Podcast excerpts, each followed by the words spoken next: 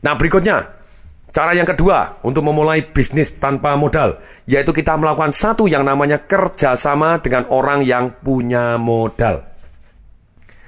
Di mana kita menyediakan waktu, tenaga, dan keahlian kita, dan pihak lain menyediakan uangnya, kemudian kita bisa mendapatkan saham sekian persen, maka kita bisa menjadi pemilik perusahaan tanpa harus punya modal. Misalnya begini, kita pada waktu jalan-jalan di luar negeri ataupun di kota yang lain ataupun di kota kita ada peluang-peluang bisnis yang luar biasa yang sudah terbukti, proven, benar-benar terbukti, membawa hasil. Misalnya, di Filipina ada satu perusahaan franchise, misalnya membuat rumah dalam waktu lima hari. Ini misalnya begitu ya. Wow, biaya franchise-nya berapa? 3 juta setengah. Deal, langsung aja deal. Nggak masalah. Bayarnya 20%, deal. Nggak apa-apa. Sisanya per lembar botnya dia untuk membangun rumah tadi baru kita bayar persentase misalnya begitu. Oke 20% kita butuh lokasi, butuh tempat untuk produksi, kita juga butuh modal untuk membayar 20% ini yang senilai 7M. Nah kita ngomong cari lokasi, yang lokasi ini kita katakan bagaimana? Kita ngomong kepada yang punya lokasi, boleh nggak kita kerjasama, ini ada peluang begini-begini begini. Oh boleh, caranya gimana? Caranya begini, kerjasama kamu sediakan tempat dan bangunannya untuk pabrik nya ini untuk membuat produksi rumah dalam lima hari, ini misalnya begitu ya. Terus kemudian kita hitung dengan harga tersebut, kita anggap hutang dengan bunga tabungan, misalnya begitu ya, bunga tabungan.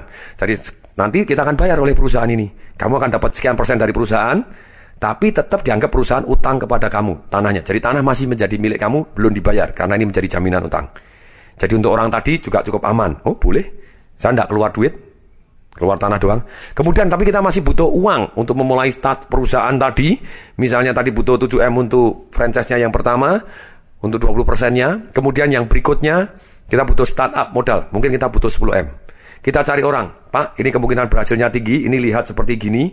Indonesia banyak sekali butuh orang untuk bangun rumah dengan sangat cepat, rumah yang murah tapi lebih kuat, lebih cepat, dan siapa pun bisa membangun dengan cara yang sangat sederhana, ada garansinya, kemungkinan berhasil sukses. Oke, anda store Pak 10M, tapi 10M ini tidak untuk ceritanya hilang, kita anggap perusahaan ini hutang kepada Anda.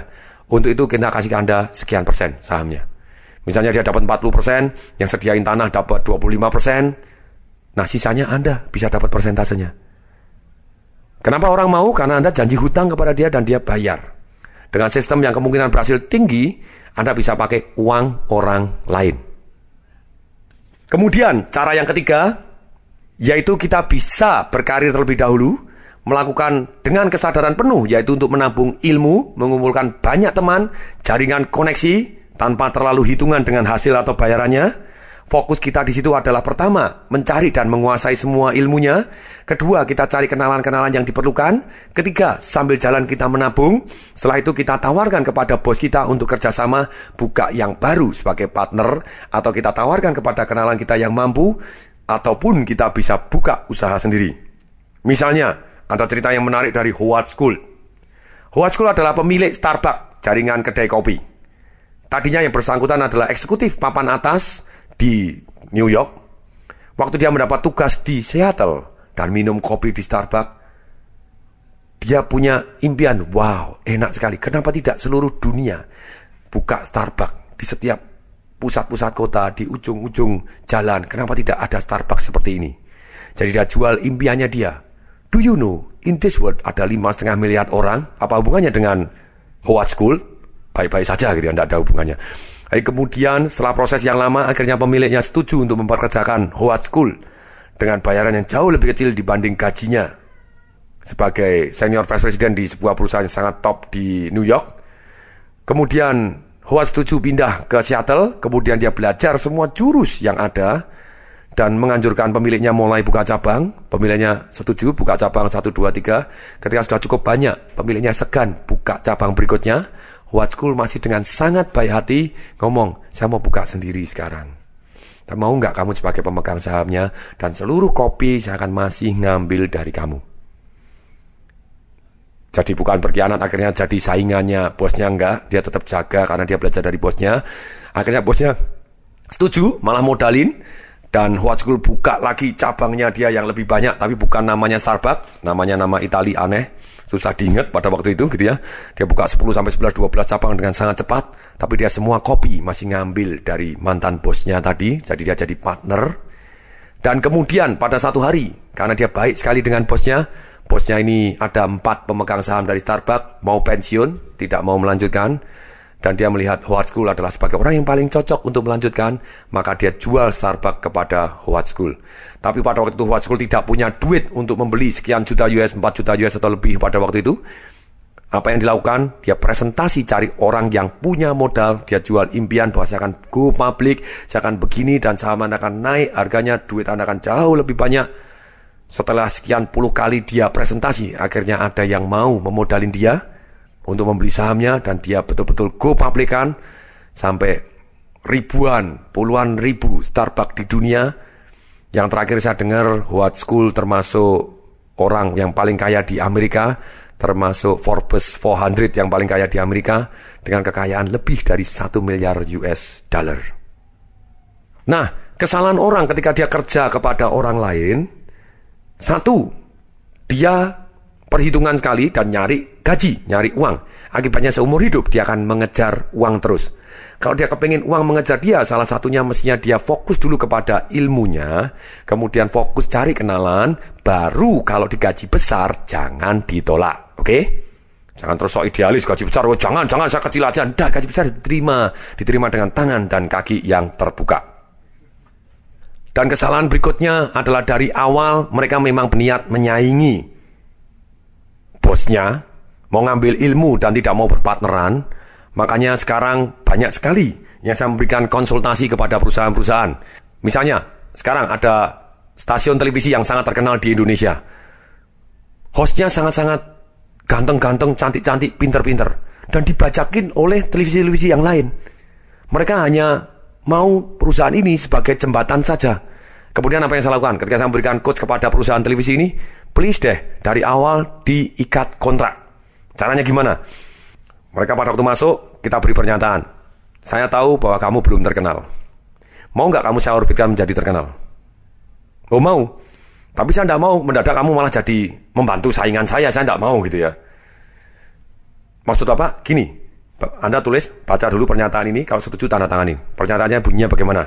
Dengan ini kami mengetahui bahwa kami mengalami proses satu yang namanya belajar dan satu proses di mana televisi tempat saya bekerja ini membuat saya jadi lebih terkenal daripada sebelumnya.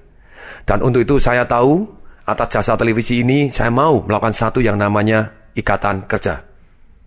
Bahwa saya pada waktu keluar ataupun dikeluarkan, saya tidak boleh kerja di bidang yang sama. Baik saya kerja sendiri ataupun kerja ikut orang lain di bidang yang sama, tidak diperkenankan. Selama dua kali masa kerja saya maksimum tiga tahun. Dan apabila saya memang betul pindah ke perusahaan yang lain atau buka perusahaan sendiri yang sejenis dengan perusahaan yang ini, maka kami bersedia membayar transfer fee sekian miliar. Nah akibatnya TV tadi sampai hari ini sudah jarang dibaca orang gitu ya. Kecuali itu masuk akal karena kalau Anda mau bayar, ya boleh karena dia sudah matang, sudah terkenal. Kenapa tidak? Kalau ada sponsor yang mau bayar transfer fee, boleh saja.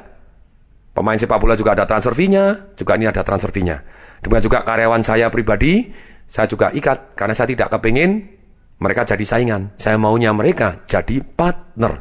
Boleh dong buat usaha yang baru, boleh, tapi jadi partner saya, please deh. Mari kita, bahkan saya modalin pun saya mau gitu ya. Kenapa enggak jadi pemegang saham, jadi akibatnya bisa tumbuh bersama.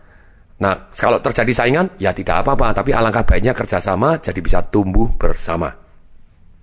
Nah, contoh kerja kepada siapa dulu atau bergaul kepada siapa dulu, sedemikian sehingga kita bisa mendapatkan keahlian dan strategi untuk bisnis lebih sukses.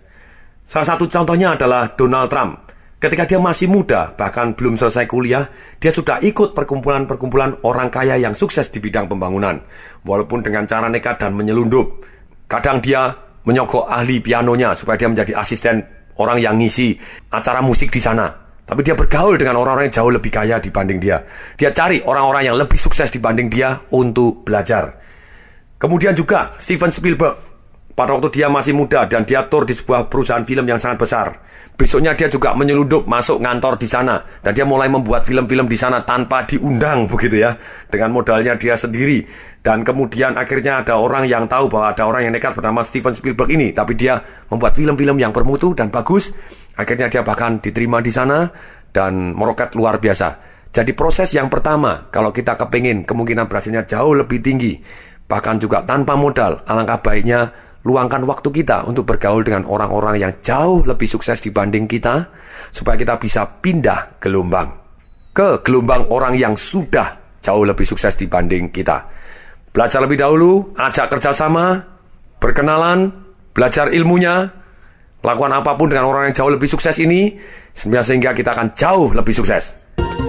Semoga bermanfaat. Saya Tung Desemaringin mengucapkan salam dahsyat.